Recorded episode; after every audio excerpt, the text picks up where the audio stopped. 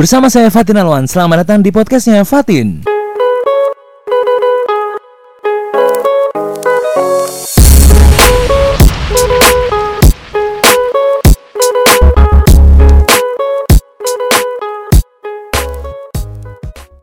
Hari ini eh, kita kedatangan tamu. Jadi kalau misalnya kemarin waktu gua ngobrol sama si Arsi, ada salah satu hobi yang pengen gue ceritain ke teman-teman. Salah satu hobinya, hobi gua itu adalah panahan. Hai guys, buat kalian yang nggak bisa ke mana-mana, takut keluar rumah karena virus, tapi mau liburan, gua ada solusinya. Cobain deh, saya mobil archery. Saya Mobil Archery adalah salah satu produk dari Saya Archery yang memungkinkan kalian liburan tapi tetap di rumah aja. Pesan aja di Instagram at Archery. Terus teman-teman dari Saya Archery bakal datang ke rumah kalian bawa seperangkat alat panah. Dan kalian bisa main panahan di rumah kalian masing-masing. Hubungi aja di Instagram at Archery. Jadi kita tetap bisa liburan meskipun di rumah aja. Stay safe ya guys. Nah kebetulan gue langsung mengundang salah satu teman, salah satu guru juga di bidang panahan nih. Di sini ada Kang Agus. Halo Kang Agus, assalamualaikum. Halo, salam. Eh, gimana kabar Kang Agus nih? Alhamdulillah sehat. Gimana, Fatin? Sehat, alhamdulillah. Gimana Kang Agus di Bandung lagi covid gini gimana nih? Ya, kita menikmati aja, dijalani, disyukuri. Ya, ya. ya, meskipun lagi lockdown, tapi insya Allah rezekinya nggak lockdown lah. Alhamdulillah ya. Lockdownnya untuk COVID aja. Nah kebetulan jadi Kang Agus ini adalah salah satu eh, founder dari klub ya. Kita bisa bilang klub ya. Ya, Eh. bisa klub, bisa komunitas, tapi lebih cenderung klub orang menanggapnya ya. Jadi ini Kang Agus ini adalah satu salah satu founder dari klub eh, panahan bernama Saya Archery. Jadi mungkin beliau akan sedikit cerita nih eh, apa sih panahan itu secara sederhana aja mungkin. Jadi buat teman-teman jadi mungkin banyak banyak banyak banget teman-teman yang belum tahu nih panahan tuh apa sih. Yang tahu cuma macam kayak eh, Mobile Legend Iya. gitu kan, macam kayak yang ada di Hunger Game dan lain-lain. Tapi harus eh, minimal tahu detailnya gitu. Nah kira-kira Kang Agus bisa ceritain dikit nggak panahan tuh secara sederhananya apa sih? Ya, panahan itu aktivitas pertamanya tetap harus menggunakan apa tiga alat minimal ya. Iya. Satu namanya busur, Hmm. kedua namanya anak panah atau arrow, ketiga itu ya target, target Iya. point. Itu kalau ada tiga alat itu kita bisa melakukan aktivitas panahan. Oke. Artinya bisa melakukan satu apa eh, ya istilah itu syuting ya tembakan tapi menggunakan anak panah pada satu titik yang sudah kita tentukan sebagai Betul. pemanah. Itu sih sederhananya Heeh. gitu. Jadi kalau misalnya ya eh, gini deh, kalau misalnya kan kita tadi panahan pada akhirnya cuma kita cuma butuh barang ya tiga tadi aja ada shooting target, ada shooting targetnya, ada anak panahnya dan ada busur panahnya Iya. gitu. Nah kira-kira kan ada nih Kang yang juga eh, yang pakai tembakan tapi macam kayak panah itu disebut panahan juga nggak sebenarnya? Ya kalau prinsipnya mungkin tekniknya sama menembak ya. Artinya menembak se- sesuai dengan keterangannya juga dulu bahwa yang dianjurkan itu kan sebetulnya menembak dalam artian di sini panahan kalau sebagai muslim atau arumia gitu. Hmm. Nah, tapi eh, secara teknis dua-duanya juga melakukan sejenis aktivitas yang sama, itu menembak hanya alat yang digunakannya berbeda. Satu kalau panahan mungkin bisa dikatakan manual, ya peluru juga manual. Iya. Tapi ada spek atau jenis eh, apa namanya bahan dan jenis mungkin apa istilahnya itu sifat apa alatnya yang berbeda ya antara apa panahan dengan peluru gitu ya peluru di apa senjata atau Hmm. unit gitu. Tapi intinya menembak itu hampir sama secara teknis gitu. Perlu perlu apa istilah itu pertama ya tetap yang namanya perlu mem- apa membidik ya. Perlu mungkin kalau anak panah itu perlu memasang anak panahnya, kalau peluru ya dia perlu juga memasang pelurunya. Juga kalau di panahan kan ada istilah tuh eh, apa drawing menarik Hmm. ya. Kalau di peluru juga sama apa pemicunya kan ada kan gitu ya meskipun menggunakan magazen atau apa istilahnya itu kayak semacam apa eh, tekanan Oh ya. gas atau eh, listrik Seperti ya kayak kalau di apa di paintball ya ada, ya ada gas. gitu. Ada gas. sederhananya kita bisa apa simpulkan panahan tuh kalau di panahan kan secara apa sederhana gerakannya itu pertama ya pasti ada posisi kita berdiri atau Hmm. jongkok sebagai pemanah yang kedua ya kita biasanya melakukan pemasangan anak Hmm. panah yang ketiga ya setelah melakukan pemasangan kita melakukan apa penarikan ya penarikan Hmm. apa eh, string atau tali setelah itu kita melakukan semacam bidikan Hmm. baru melepas atau rilis Oke. Gitu. Nah tadi kayak sempat di awal kan sempat saya kasih eh, kita kasih tahu bahwa Kang Agus ini adalah salah satu founder klub panahan di Hmm. Kota Bandung. Nah dulu Kang waktu mau bikin kenapa kok kenapa kok tiba-tiba panahan gitu ketika ingin membuat satu klub gitu? Kan ada olahraga lebih Hmm. banyak lagi atau kayak emang dari dulu emang udah seneng panah atau seperti apa gitu? Ya mungkin se ya kita apa adanya ya. Seperti saya saya archery sebagai sebuah klub atau bisa dikatakan awalnya sih kita memang basicnya itu kan sebuah provider ya artinya lembaga apa lembaga eh, training atau outbound ya kita memang basically kita kompetensinya di outbound training sebetulnya. Udah hampir apa 15 tahun lebih. Tapi kita melihat satu situasi apa fase kejenuhan di dunia outbound karena memang kelihatannya ada eh, semacam fase stagnan ya. Orang stagnan dengan media yang bisa digunakan untuk outbound. Karena outbound itu identik dengan media yang digunakan ya untuk aktivitas. Nah kita melihat eh, ketika fase apa ya fase boring atau fase kejenuhan itu ya saya sebagai pelaku di bisnis outbound juga memikirkan gimana caranya supaya tetap bertahan secara bisnis di outbound. Tapi medianya kan eh, ya taruhlah sudah sangat jadul ya ketinggalan. Bahkan mungkin model-model sudah sama hampir semua provider kan melakukan hal yang sama dengan medianya gitu kalau ada outbound pasti gamenya itu itu juga kan gitu atau alat-alatnya juga itu itu Ya, juga ya kalau nggak fox ya mungkin Tarik tambang tarik lagi. tambang lagi atau balon, Balon atau lagi. ya sedotan atau banyak lah Iya, iya, iya. sebetulnya hampir mungkin se Indonesia sama gitu Iya benar. tidak ada yang berbeda gitu outbound tuh jadi kadang ada fase kayak semacam bias ya Mhm. jadi nggak ada feelnya kelihatannya itu gitu bahkan sudah cenderung diduplikasi orang seenaknya jadi kelihatannya udah kehilangan feelnya atau ruhnya lah gitu nah saya melihat eh, sebetulnya awalnya sih bukan basic panahan ya. Hmm. tapi melihat bahwa panahan itu unik ketika ada dikenalkan oleh kawan dari salah satu klub di Bandung tentang tadi tarung panahnya itu yang perang panah gitu. Awalnya nggak kepikiran yang tahu panahan kan cuman shooting target ya artinya hanya menembakkan anak panah ke target. Tapi ternyata ada juga yang sifatnya kayak semacam apa eh, tempur gitu war atau tag gitu battle lah istilahnya itu nah saya lebih tertarik ke situ Oh jadi akhirnya karena melihat ada yang cerita tentang ada namanya battle archery. iya betul Akhirnya wah kayaknya bagus nih outbound tuh dibikin Ya. acara battle archery. Kayaknya ini lebih cocok sesuai Iya, kebutuhan iya. kita Iya, ya iya, semacam jadi medianya lah media kita untuk outbound gitu. Meskipun orang mungkin akan juga bingung kok panahan bisa dipakai outbound. Tapi karena ada unsur tempur, ada unsur apa eh, battle, perang, maka melihat kalau saya sih sederhana karena ini kan kalau tempur perang itu kan pasti sebuah pasukannya, tim atau sebuah grup Iya. Berarti kan di situ pasti ada unsur siapa yang ngelit kan, Ya. atau yang apa memimpin perangnya atau komandonya. Yang kedua, saya lihat ada bentuk komunikasi-komunikasi yang dilakukan selama tempur, baik dalam menyusun strategi, ya maaf istilah itu Oh, kapan kapan betul, menyerang, kapan, akan menyerang, kapan gitu. bertahan, bahkan dia mengecek apa mengecek semua apa ke kekuatan yang dimiliki oleh pasukannya. Iya. Ada ada pola komunikasi.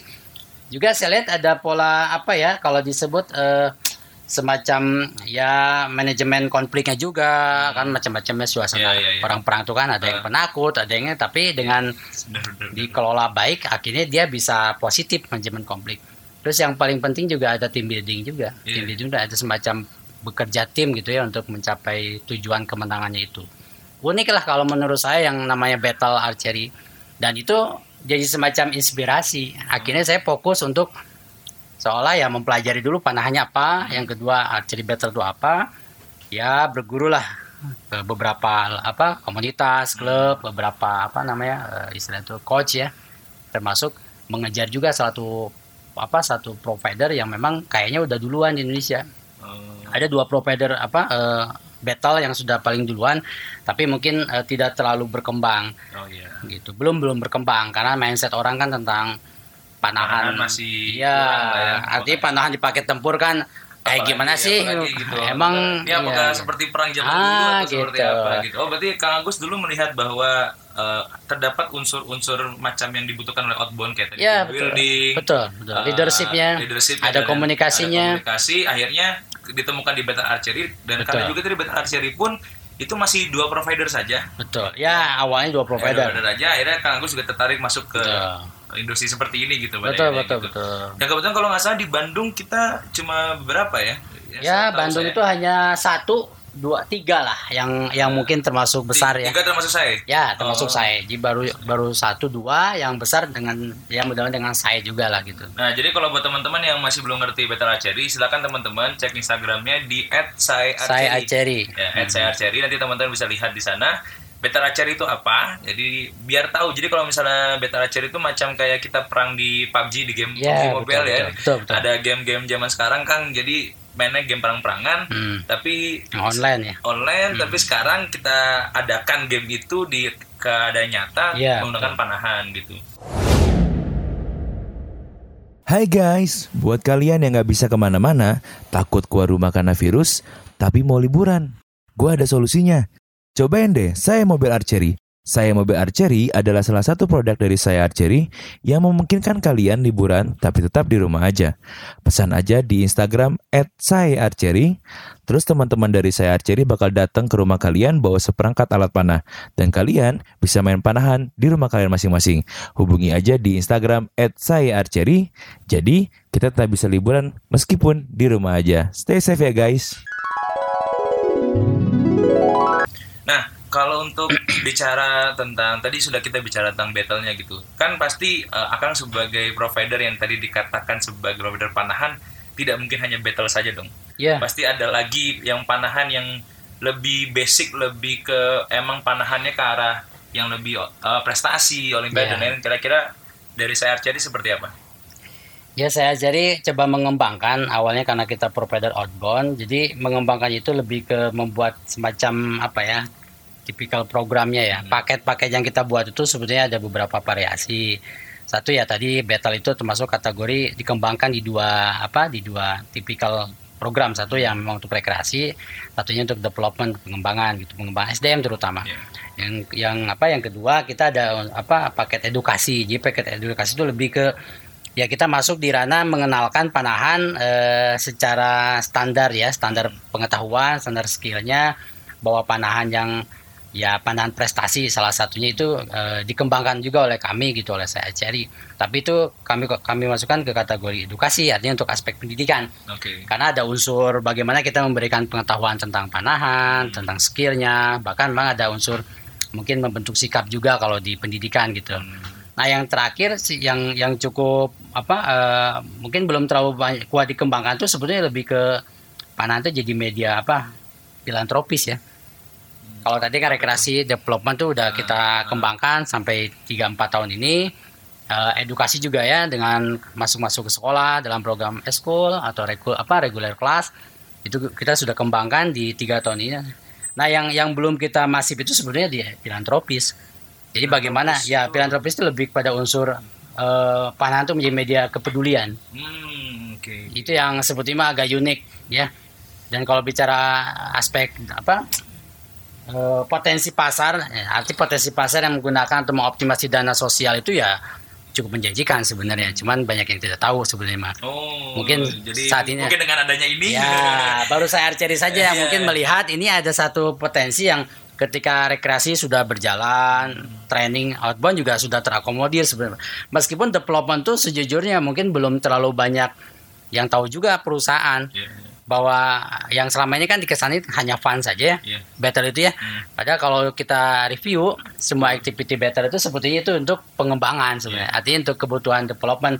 Hanya ini masih jadi PR sebetulnya. Kalau rekreasi udahlah kita terakomodir.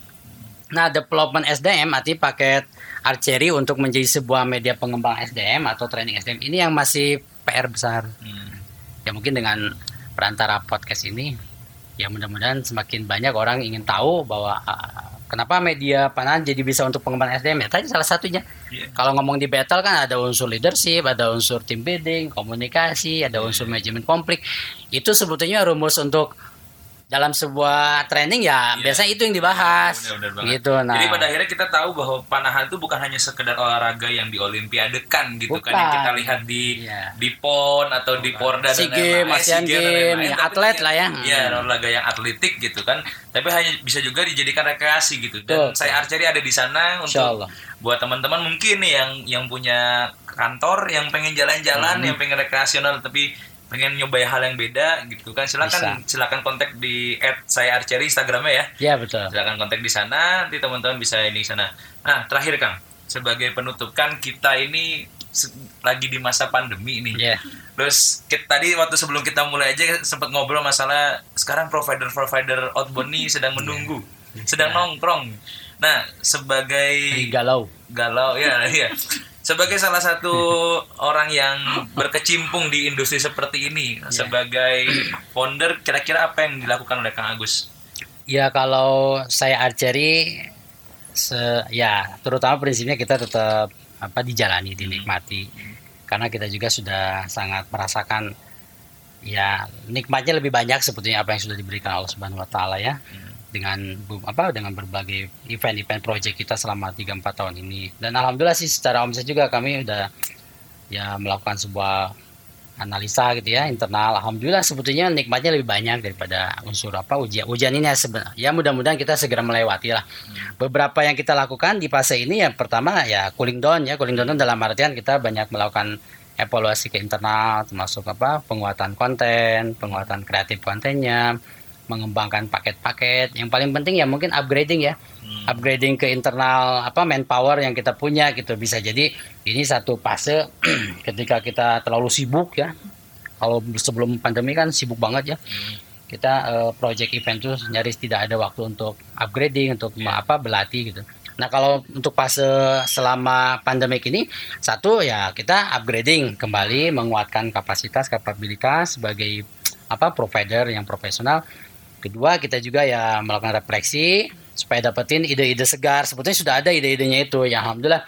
Mudah-mudahan ini uh, segera lewat ya fase pandemik ini dan kita tetap optimis meskipun nanti di fase AKB atau adaptasi kebiasaan baru sebetulnya archery ini ada momennya hmm. sebetulnya sekarang pun kalaupun saya boleh mengatakan ini momen, momentum archery sebetulnya kenapa okay. kenapa momentum archery karena uh, hampir mayoritas masyarakat kita terutama mungkin di keluarga ya orang tua anak itu sedang fase-fasenya stres sebetulnya. Oh, iya, Artinya sedang membutuhkan sesuatu yang bisa mengembalikan lagi fokusnya, yeah. mengembalikan lagi kekuatan keberaniannya, fokus terutama ya daya tahan. Nah, menurut saya di archery salah satunya kan mungkin Patin juga memahami value yang manfaat yang sangat dirasakan itu kan yeah. memperkuat fokus, memperkuat kembali apa confident, yeah, percaya diri, optimis kan gitu bahkan keberanian kan kalau lihat battle kan gitu ya. ya betul. Nah menurut saya uh, pas uh, seperti ini momen gitu. Cuman kita lagi lagi cari caranya yang tetap me, ya mengacu ke prokes ya protokol hmm. kesehatan.